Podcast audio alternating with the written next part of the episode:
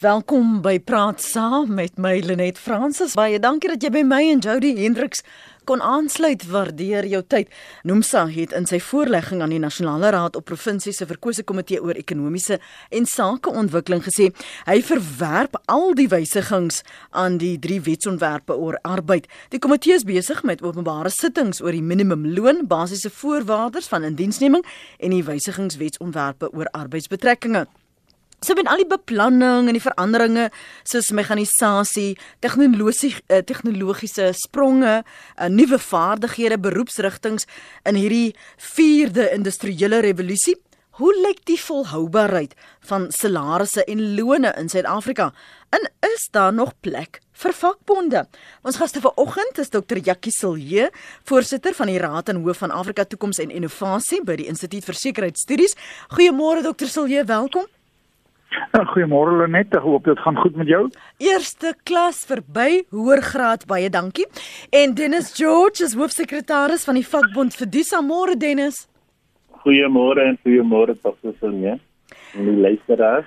Dennis, met die 4de industriële revolusie gaan jy nog gewerk het? Ja, definitief van ons weet mos nou masjiene en die goed kan nie belasting betaal nie. En ons weet ook dat die goed kan nie Presies. So ons moet maar dink hulle net om die, om die, om die masjiene en hierdie industrie goed wat hulle so praat moet laat hulle belasting moet betaal, jy weet, van anders net. En ons moet nou 'n groot probleem hê in die land, want ons het so baie mense wat werkloos is. En as ons nie 'n behoorlike sosiale kompak met die regering en met die ehm um, besigheidsmense doen sluit nie, dan gaan ons groot probleme in die toekoms hê. Jy praat van baie mense wat werkloos gaan wees, maar hoe sien of voorspel jy dat die mandaat van vakbonde gaan verander want daar is 'n realiteit wat jy sal moet voor 'n uh, ruimte skep? Ja, kyk, as ek net vir jou 'n voorbeeld kan gebruik nou. Ons het byvoorbeeld nou onlangs 'n staking gehad hier by die Gauteng trein. Ja. Waar die werkers byvoorbeeld vir 'n periode van 15 dae moes op staking gaan omdat hulle nie met die werkgewer 'n uh, ooreenkoms kon bereik nie. Maar as mens dieper afdelf in hierdie proses, dan sal ons sien dat die werkgewer dit eintlik geweier om die finansiële state aan die vakbond beskikbaar te stel. En dit is waarom vir Dusa nou die saak na die grondwetlike hof gaan neem. Want dit is mos in ons arbeids ehm um, wetgewing dat in terme van artikel 16 dat die maatskappy moet vir die vakbond die finansiële state kan gee, want dan kan ons mos nou sien of die maatskappy winsgewend is of die maatskappy in onmiddellike omstandighede beweeg.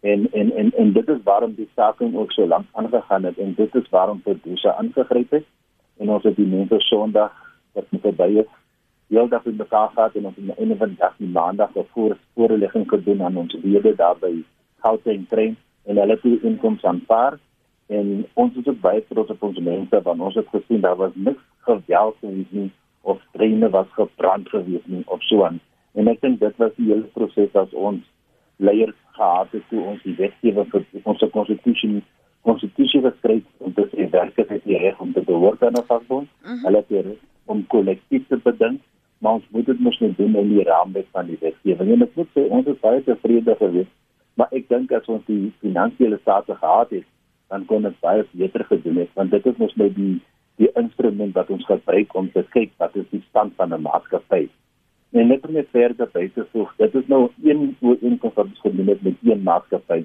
maar 'n ander industrie, so die ehm uh, industrie vir die leer leer in die uh, voedselindustrie. Daar sit ons miskien byvoorbeeld met maklik 200 verskillende maatskappye.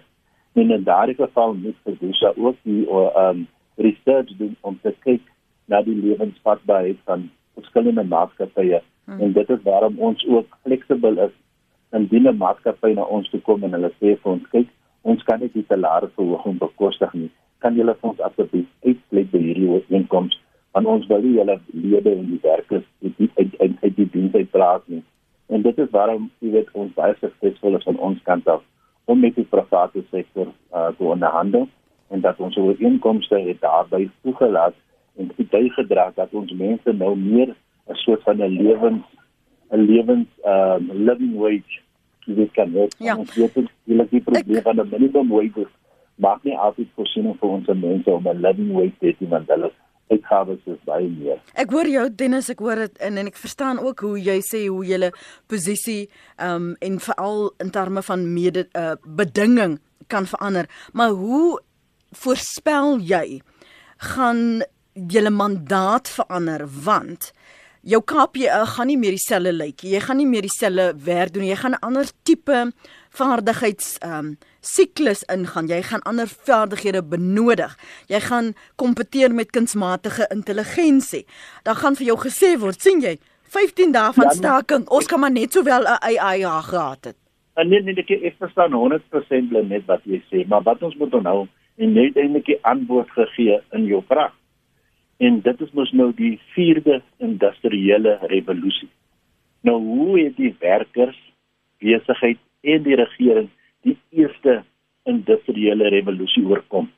En die tweede en die derde en ons navorsing toon dat die werkers het ingestem dat hulle hulle vaardighede, hulle skills moet nou opgegradeer word sodat hulle in daardie nuwe prosesse kan betrokke wees en dat hulle ook byvoorbeeld uh om vir jou 'n voorbeeld te gee soos by die by die by die lughawe hier by Johannesburg kry ons nou 'n geval waar 'n persoon jy sit net jou jou jou jou identiteitsnommer in en dan print jy jou eie kaartjie.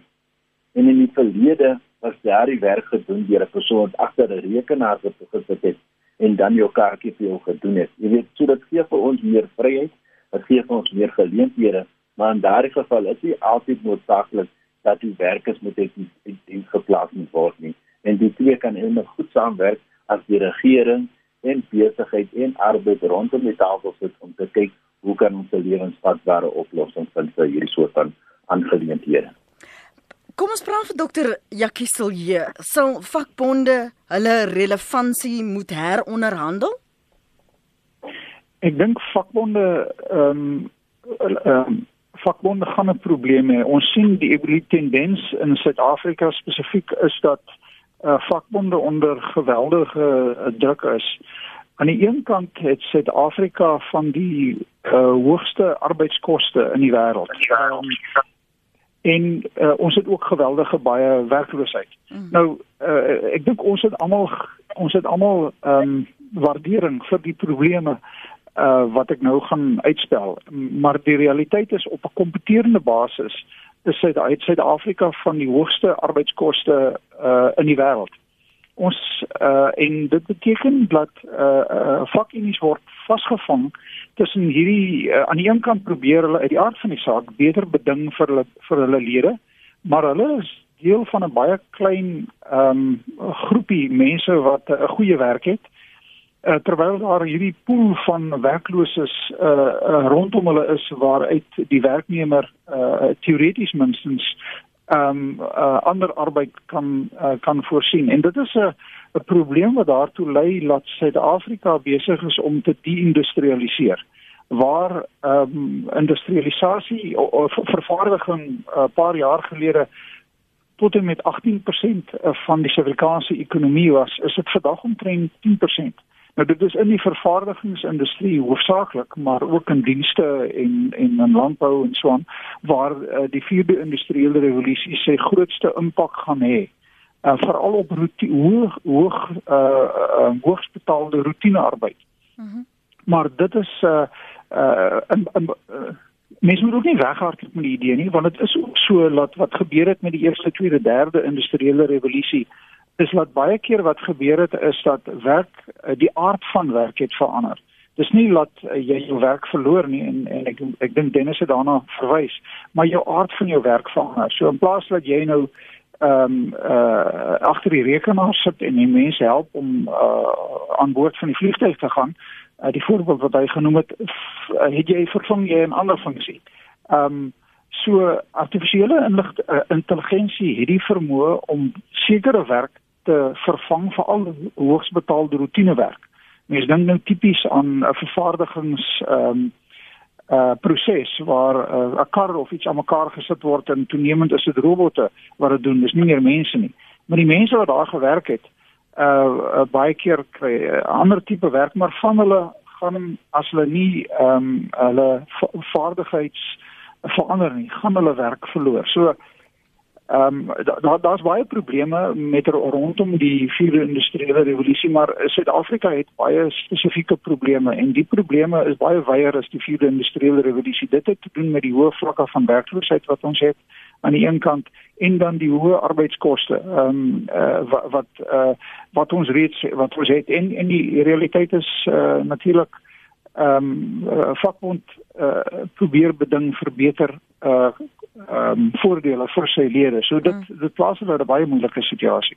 Ek gaan nou vir Dennis vra se vir sy reaksie, maar ek wil vir jou vra so oorsig as jy kyk jy meld nou dat die landbousektor veral daar 'n groot impak gaan wees, maar as ons so in die breë kyk na sektore waar daar moontlik veranderinge kan kom, dink jy daar is genoegsame voorbereiding as 'n besef uh, by bestaande werkers oor hoe dit hulle werk kan affekteer, hoe dit kan verander en dat sommige van hulle uh, wat is dit redundant uh, net jy weet onnodig ja. verklaar gaan word. Ek ek ek dink nie ons is uh, genoegsaam uh, voorberei daarvoor in in Suid-Afrika nie.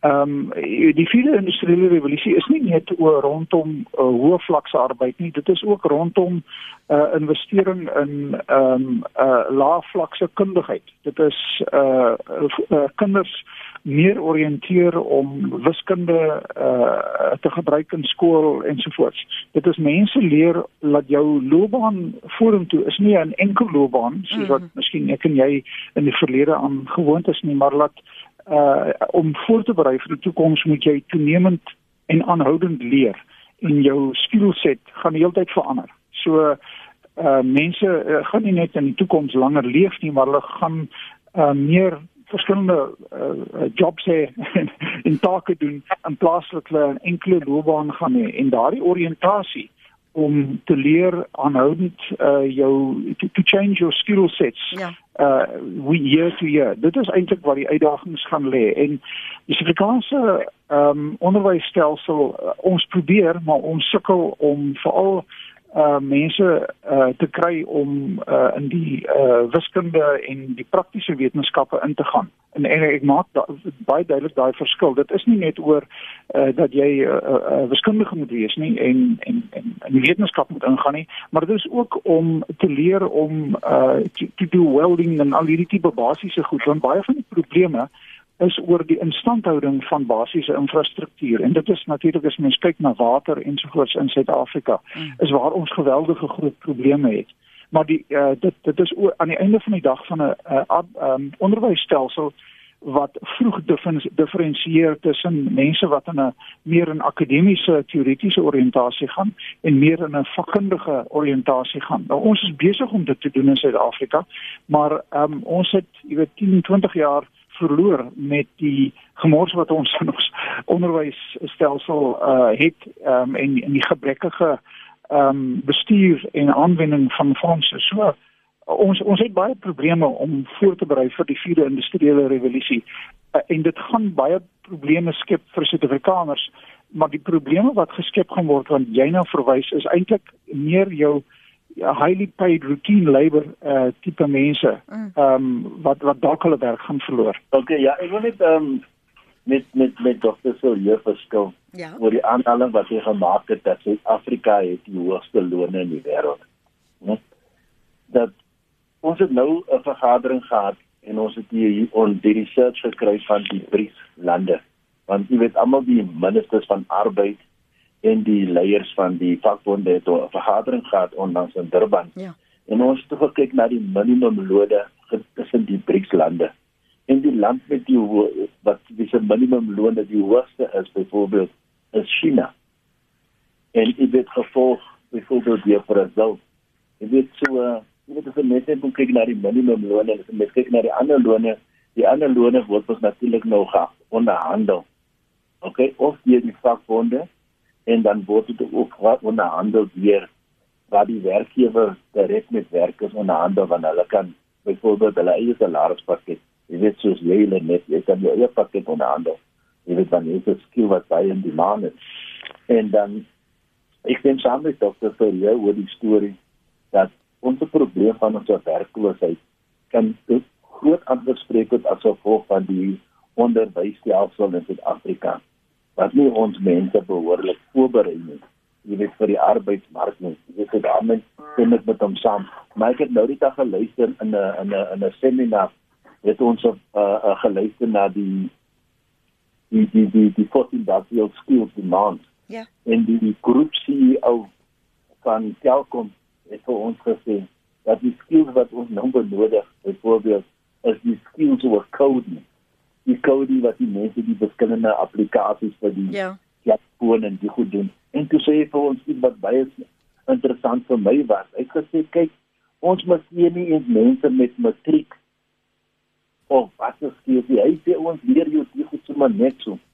Direk. Ja. jy weet so daar is 'n soort van 'n oplossing vir ons jong mense wat byvoorbeeld baie werkloos is heidaglik in Afrika.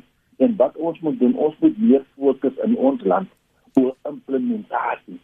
En ons moet 'n bietjie minder daarop vestig om te praat oor politiek en praat oor polisie en die fokus van ons land moet meer gefokus is om die nasionale o- ontwikkelingsplan te implementeer. Jackie waarop het jy so ja gesê? Nee, ek ek het met hom baie saamgestem toe hy toe hy die punt maak dat ehm um, uh, jy weet ons is vasgevang in 'n in 'n dinkproses waar ons dink dat mense formeel geskool moet word Mm. uh, vir byvoorbeeld kodering en ehm um, deel van uh, die vierde industriële revolusie en van internet uh, toegang ensovoorts is dat mense uh, self leer en leer deur die internet. Jy weet hierdie internet het ons toegang tot die beste klasse en kursusse in die wêreld. En die toekoms van onderwys is self uh leer en self uh, initieer en jou eie uh, en ons moet sê jou to improve your own skill set. En dit is- dit gaan baie belangrik wees in hierdie regmaak vir die vierde industriële revolusie dat ehm um, veral volwassenes uh, uh, hulle loopbaan is 'n voortdurende proses van upskilling.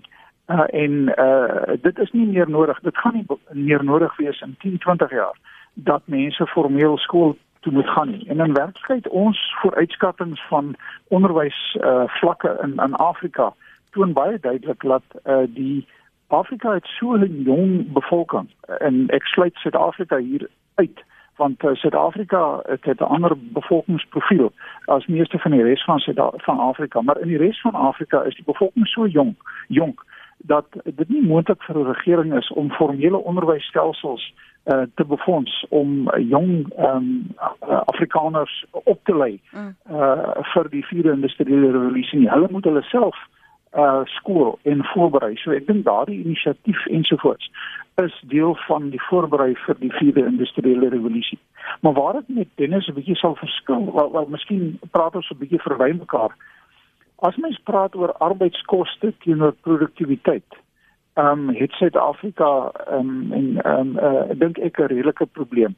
Ehm um, minimumlone is baie moeilik om uh, om te ver, vergelyk, maar jy kan arbeidskoste vergelyk uh teenoor produktiwiteit. Jy kan kyk hoeveel ehm um, om 'n landbouvoorbeeld te, te gebruik, hoeveel mense is betrokke in die mieliebedryf en hoeveel mielies produseer hulle en dit vergelyk met die mieliebedryf e- e- elders.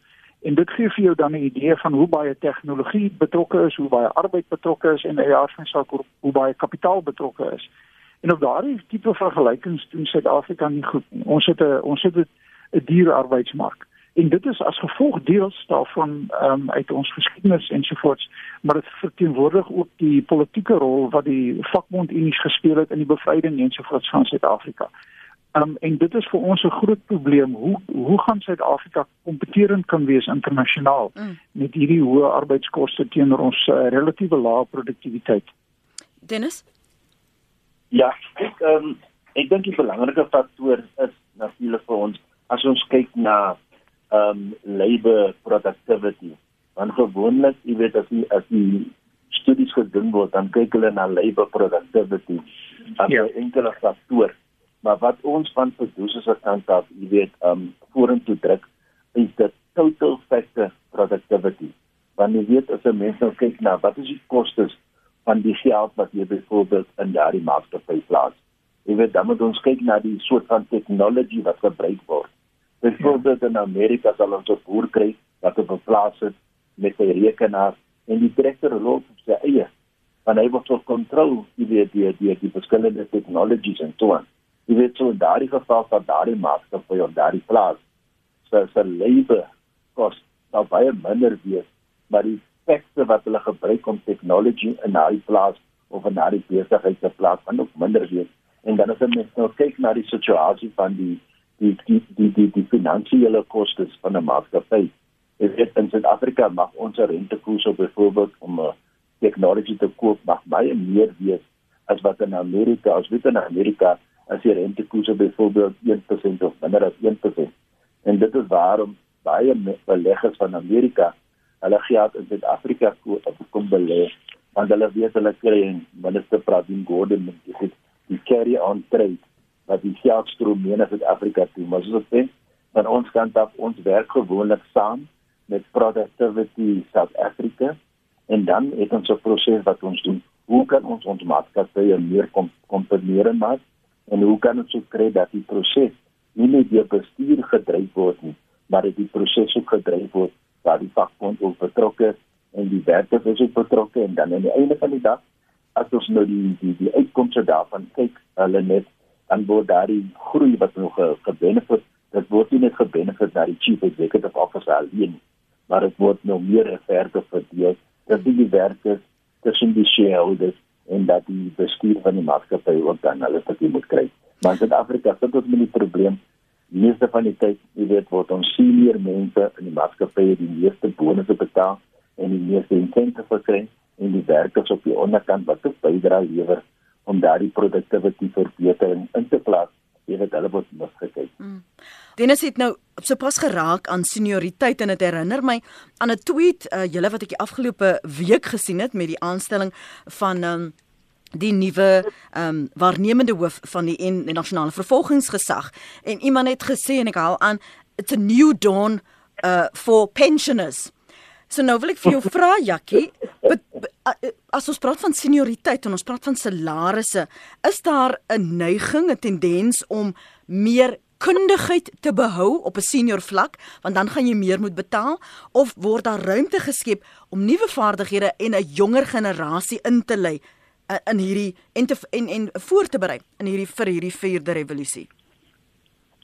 Kyk, Dennis het verwys na uh, uh, ernstige probleme wat Suid-Afrika het en um, van daardie probleme is die geweldige diferensiasie wat daar is tussen ehm um, uh besoldiging op die hoogste vlakke uh, veral in die private sektor maar ook in in staatsdiens en die mense aan die onderkant. Uh, ek het die punt gemaak dat arbeids uh, uh, arbeidskoste in Suid-Afrika is hoog maar uh, uh op op 'n kompeterende basis uh, met vergelyking met ander lande maar ook uh, die punt wat hy maak en is heeltemal korrek is dat die diferensiasie in besoldiging in Suid-Afrika is on uh onhoudbaar. So mense aan die top van die uh van 'n maatskappy verdien you know 40, 50, 100 maal wat mense aan die onderkant van die rangleer verdien. En dit is net nie volhoubaar in 'n land soos Suid-Afrika nie, want dit ehm um, uh gee steun aan die ongelykheid en al hierdie probleme wat ons het. Ek dink wat ons moet doen is ons moet ehm um, uh, kyk na die, die voorbeeld van uh, lande wat 'n uh, suksesvolle vervaardiger vervaardigers is. En kyk na Duitsland, kyk na die Noorweegse lande, uh, Skandinawiese lande waar die verhouding van uh, besoldiging tussen jou normale werker en die mense um, die bestuurders en die topstruktuur baie laer is en die rol van die arbeid die vakunies is heeltemal anders. Byvoorbeeld as mens nou dink na na Duitsland wat een van die wêreld se grootste vervaardigingslande is en baie suksesvol is.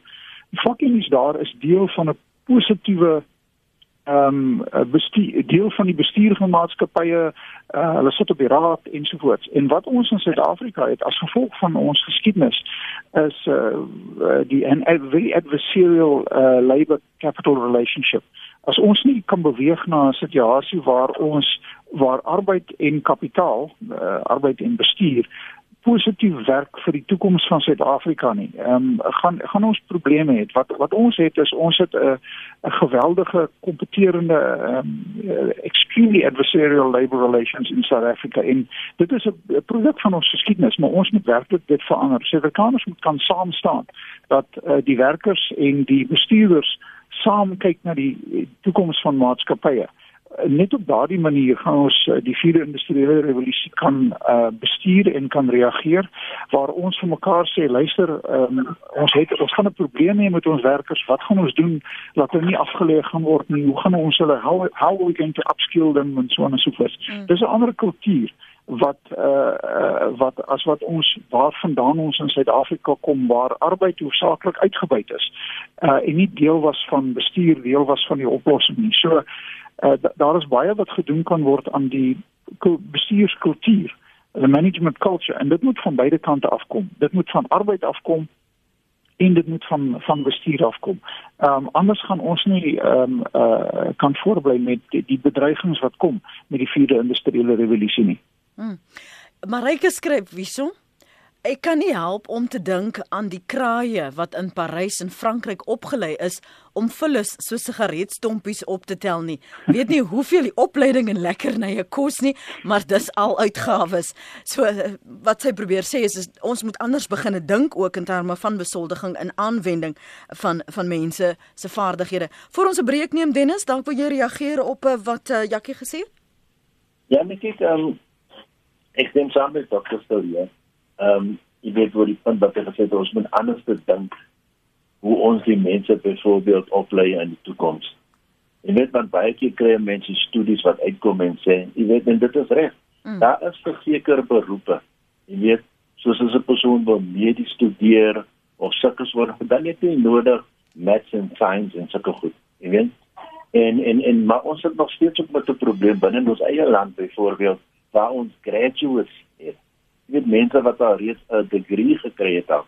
En daardie mense sit so in 'n werk en dit is waarom ons gevoel het dat baie van ons topbestuurders moet byvoorbeeld van hierdie graduates uh, 'n uh, geleentheid gee binne hulle maatskappye ten minste net vir 1 jaar om die shadowing te doen wat hulle saam met 'n senior bestuurder kan werk. Mm. Jy weet nie kan dan ook die job kan leer deur vorm van internship en die regering maak ook um incentives beskikbaar vir die belasting heffing wat die mense kan dan daarvan af kry.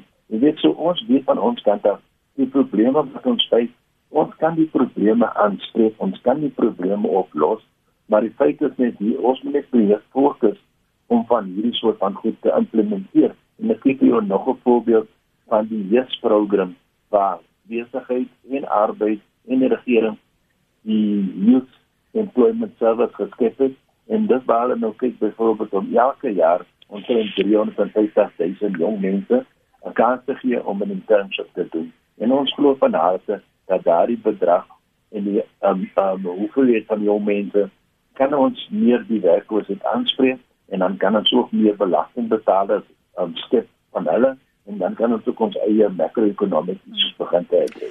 Ja, dis duidelik julle albei het julle oor op die grond. So so Dennis, is die maatskappy het nou enkeles genoem, is hulle op 'n gereedheidsgrondslag, kan hulle die aanpassings maak, kan hulle die opleiding verskaf, kan hulle 'n nuwe stroom van of vaardighede of 'n uh, industrie kan hulle dit akkommodeer sonder om hulle self in die proses in die voet te skiet. Ja, kyk die probleem wat ons in Suid-Afrika se meer kompleks as net so wat ek dit nou makliker maak, dit nie verstaan. Kom ons kyk gou net na die na die mining industrie en ons kyk nou na die agricultural industrie. Uh, ek weet mos lekker die Afrikaanse woord daarvoor nie. Maar as ons kyk, dan sien ons in die mining industrie het die regering die hele omgewing jy weet onlewensvatbaar gemaak want ons wil nou al die rande charters en ons wil dit en ons wil daai en ons wil alles change. Okay? Dis hulle gebeur byvoorbeeld in die landbou. En die landbou sit net nou met 'n storie van die debat oor die grondstories en so. Jy weet wanneer ek dink 'n mens kan as ek wil vir iemand môre op grond hê, hy kan die grond hier of hy kan die grond dit doen en as hy wil boer, maar baie mense wil net grond hê omdat hy wil grond hê. As jy dat jy die grond wil hê omdat jy die grond wil bewerk en bydra te lewe tot ekonomiese ontwikkeling nie. Dit is waarom ons voel van ons kant af, jy weet die manier hoe ehm um, die president Ramaphosa begin het jy weet dat hy het nou 'n bietjie koud geraak want hy sy oog afgehaal van die ekonomie af. En hy moet sy oë meer hou 40 tot 50% moet hy gefokus wees op die ekonomie soos Bill Clinton gesê het jy weet die ekonomie is 'n belangrike faktor.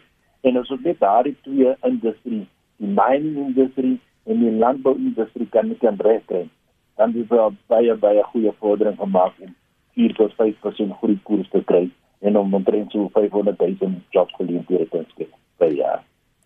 Stem jy saam die jakkie dat dit die twee industrieë is wat aandag benodig sodat die president weer warm kan raak? Wel ek wat wat ek moet sê, Dennis baie saamstem is dat ehm um, uh daar is niks belangriker in Suid-Afrika as uh, ekonomiese groei en werkverskaffing nie. Ehm um, en die een kan nie sonder die ander plaasvind nie. Ons uh, uh die die regering plaas baie klem op herverdeling. Maar as jy nie her, as jy nie groei nie, is daar is herverdeling 'n probleem. Ons moet die ekonomie in die groei kry en as as die ekonomie groei, dan kan ons besluit wat ons gaan doen met die wins wat ons maak, as ek dit nou so kan stel. Want uh, uit die aard van die saak het ons geskiedkundige probleme wat ons moet oplos, maar wat ons uh, telkens probeer doen is ons fokus so op die herverdeling, uh, kom ons sê in die mynbedryf laat ons uh, nie die ekonomie groei nie. Waar ek so ek stem daarmee 100% met met Dennis saam. Waar ek 'n bietjie verskil en ons het redelik baie werk gedoen rondom ehm um, Suid-Afrika se toekoms. Ja. Ehm um, ek het 'n boek geskryf vir hierdie jaar, Fate of the Nation wat ook gekyk het daarna. Die die grootste beperking op sy Suid-Afrikaanse langtermyn is in werklikheid water. Ehm um, en 'n waterplaas 'n uh, 'n uh, groot beperking rondom die potensiaal om die landbousektor uh verder te um, uit te brei. Mm -hmm. Suid-Afrika se landbousektor is omtrent 2 tot 3% van die totale ekonomie, maar ons is voedsel food secure. Ons voer voedsel uit want ons het 'n baie effektiewe privaat sektor in die landbou wat ehm um, kommersieel is en dis groot boere en hulle kompeteer internasionaal. Ehm uh, uh, uh, uh jy moet nie met jy moet nie met daai daai boere uh, sukkel nie. uh want um, dit is af is geweldig belangrik dat Suid-Afrika voedsel that we are food secure en dat ons 'n uh, voedseluitvoerland is en so voort. Met ander woorde wat ek sê, die potensiaal wat baie keer uh, en dit staan in die nasionale ontwikkelingsplan ook laat landbou byvoorbeeld uh 500 000 uh addisionele mense arbeid kan gee. Ons dink dit is heeltemal onrealisties as gevolg van die waterbeperkings. Ons uh, ons ons ons het nie genoeg water in Suid-Afrika nie en ons vermors geweldig baie water. Maar daar is sekerlik potensiaal om omtrent 50000 hektaar in uh, addisionele landbougrond uh, onder besproeiing in Suid-Afrika te kan plaas indien ons ons bestaande water beter uh, gebruik en so. So uh dit dit is werklik 'n uh, um, 'n groot probleem maar so uh, waar Suid-Afrika na toe moet gaan is ons moet ons vervaardigings ons uh, sektor uitbou. Uh, sonder 'n groeiende vervaardigingssektor en ek het die punt gemaak voorheen dat wat op die oomblik besig gebeur is dat Suid-Afrika is besig om te deindustrialiseer. Hmm. Ons verloor vervaardiging promoor. Hoofsaaklik as gevolg van ehm um, kompetisie van China, hmm. maar ook as gevolg van die feit dat ons nie kompeterend is nie. Ehm um, en dit kom nou terug in die gesprek wat ons voorheen gemaak het waar ek en Dennis op een mekaar verskil het uh, of uh, verskillend praat oor uh, arbeidskoste en produktiwiteitskoste. Ehm um, en daar's verskeie faktore wat nou hierby 'n rol speel, maar die feit is dat uh, as ons nie 'n vervaardigingssektor uitbou nie, uh, gaan ons sukkel om die om uh, uh, die res van die ekonomie uh, om te skakel in 'n 'n ekonomie wat uh, reg is vir die vierde industriële revolusie. Kom ons hoor gou wat sê ons luisteraars en daarna gaan ons 'n breek neem. Ek wil julle moet langer wag nie. Uh Johan, uh, praat gerus môre. Net môre kan jy my hoor? Ek kan, dankie Johan. Ja, ja, nee baie dankie. Ehm um, ek het 'n vraag vir julle luisteraars. Uh ehm um, ek hoor dat professor nou gesê ek het 'n bietjie later program ingeskakel, mm. maar kom op sê per se wêreldwyd en in Suid-Afrika as ons 'n toekomsprojeksie gaan hê, is daar enige studies in terme van uh uh uh vergeet van outputte. Kom ek sê hoeveel werksgeleenthede gaan geskep word deur die vierde industriële revolusie en hoeveel werksgeleenthede in aanhalingstekens gaan verlore gaan op grond van die uh uh uh die vierde industriële revolusie. Is, is daar sulke studies wat dit aantoon? En aan die einde van die dag gaan ons in 'n wêreld ingaan waar die industriële revolusie waarvan ek dink ons nog die kwantum en die omvang nie van verstaan nie. Hmm uh van so 'n formaat is dat dit gaan massief wees en jy het 'n eksponensiële toename in output in indirekte vorm van belastingbetaling deur robotte en aanhalingstekens en ons almal lewe maar lekker om in die robotte al die werk doen. Dankie. Dankie daarvoor. Ehm uh, Pier, wat sê jy? Goeiemôre Lenet. Lenet, ek kom weer op daai punt af. Dat die regering betaal die pensionaars R1700. Maar hulle verwag dat die, die minimum loon moet 3500 wees. Hulle sê die mense kan nie oorleef op R3000 nie. Nou moet dit 3500. Maar wat doen hulle omtrent die pensionaars se se se se gelde? Nou die ander sy van die saak is wat ek nou wil noem is ek hoor hulle praat so baie van die waterprobleme. Die ek was op die raad gewees stadsraad gewees. Die mense het al die ingenieurs uitgewerk uit die uit die, die munisipaliteite omtrent hulle salarisse is te hoog. In die maatskappye begin ook, hulle begin al die uh, uh, die mense uitwerk wat salarisse te hoog is en hulle vervang hulle met sê twee mense wat nie ondervinding het nie. Met die gevolg is kyk hoeveel maats uh, dinge munisipaliteite is bankrot vandag. Want hoekom? Hulle die mense met ondervinding uitgewerk want hulle wil nie daai hê nie want die salarisse is te hoog. En dit gaan gebeur met ons banke, dit gaan gebeur met ons nywerhede. Alles, die mense hulle werk die kennis weg en hulle vervang hulle met mense wat nie kennis het. Goed, Pier. Dis sy punt daar. Teenoor kom ek gee sommer vir jou kans om te reageer op wat Pier en uh, Johan aangeraak het. Ja, dis net ek dink Johan staan die spreker, dit 100% reg kyk die nasionale ontwikkelingsplan het vir ons jy weet 'n uh, definitiewe teikens gegee wat ons byvoorbeeld um, moet behaal vir vir kwartaal jy weet om om om om om die werkloosheidssituasie aan te spreek en aan te bring en soos um, Dr. Surya gesê het dat jy goed werk maar saam met die ekonomiese groei en werksgeleenthede is twee van die mees belangrikste politiek en die president het ons nou aangekondig dat ons gaan in Oktober maand gaan 'n soort job summit hê. Mhm. Mm en een van die belangrikste dinge wat we doen, so wat ons sê van 'n praktiese punt, wil ons graag hê dat ons met omtrent so 250 000 werkgeleenthede per kwartaal skep. En dit gaan vir ons baie jaar so ek sê 100% saam met hom en dan het hier geklaar oor die salarisse van die pensionaars die toela wat hulle kry van 1700 rand. Ehm um, jy kan glo dit gaan baie moeilik vir hulle.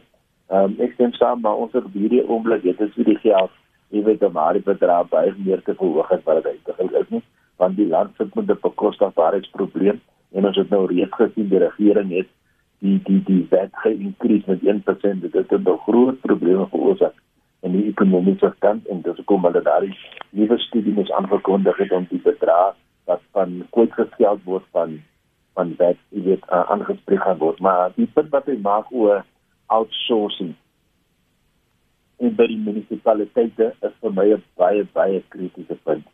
Want elke munisipaliteit het soos ons in die ou dae nog geweet het daarvan van 'n 'n stadsklerk en 'n stadingenieur en iets wat van mense, jy kan nie daardie funksies outsource nie. Want dit is waar jy probleme aankom. Want 'n stadingenieur as hy moet sy karretjie deur die dorp ry of deur die plek ry met sy ehm um, safety helm dan sal dit vir jou sê kyk hierdie pype moet volgende jaar vervang word en daardie pompe moet moet moet moet moet, moet gediens word en en ek stem saam met hom dat ons moet daardie soort van kundigheid kan ons nie outsource nie dit moet binne die munisipaliteit bly mm -hmm. en en dit is baie belangrik vir ons Jackie Ja, ehm um, Johan het gevra vir ehm um, uh verwysings oor uh, studies wat gedoen is oor die toekoms van werk. Of daar is ja. Ek kan hom verwys Ek kan verwys na 3. Ehm um, die Instituut vir Sekuriteitsstudies het onlangs 'n verslag uitgebring ehm um, met die titel Made in Africa en dit is oor die vierde industriële revolusie in Afrika. Ehm um, en dit is op die instituut se webblad. Ek ek is die outeur, so ek kan kyk, ek kan net gaan na die instituut uh, www.issafrica.org en ek kan soek vir die studie Made in Africa. En dan uh, die maatskappy McKinsey uh, het uh, verskeie studies gedoen oor the future of work. En as jy mense dit Google sou sê dit kry.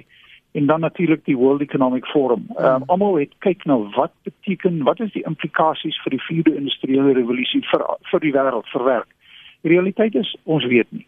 Met elke industriële revolusie het werk verander en ehm um, uh, sekere jobs gaan weg, maar sekere jobs kom by.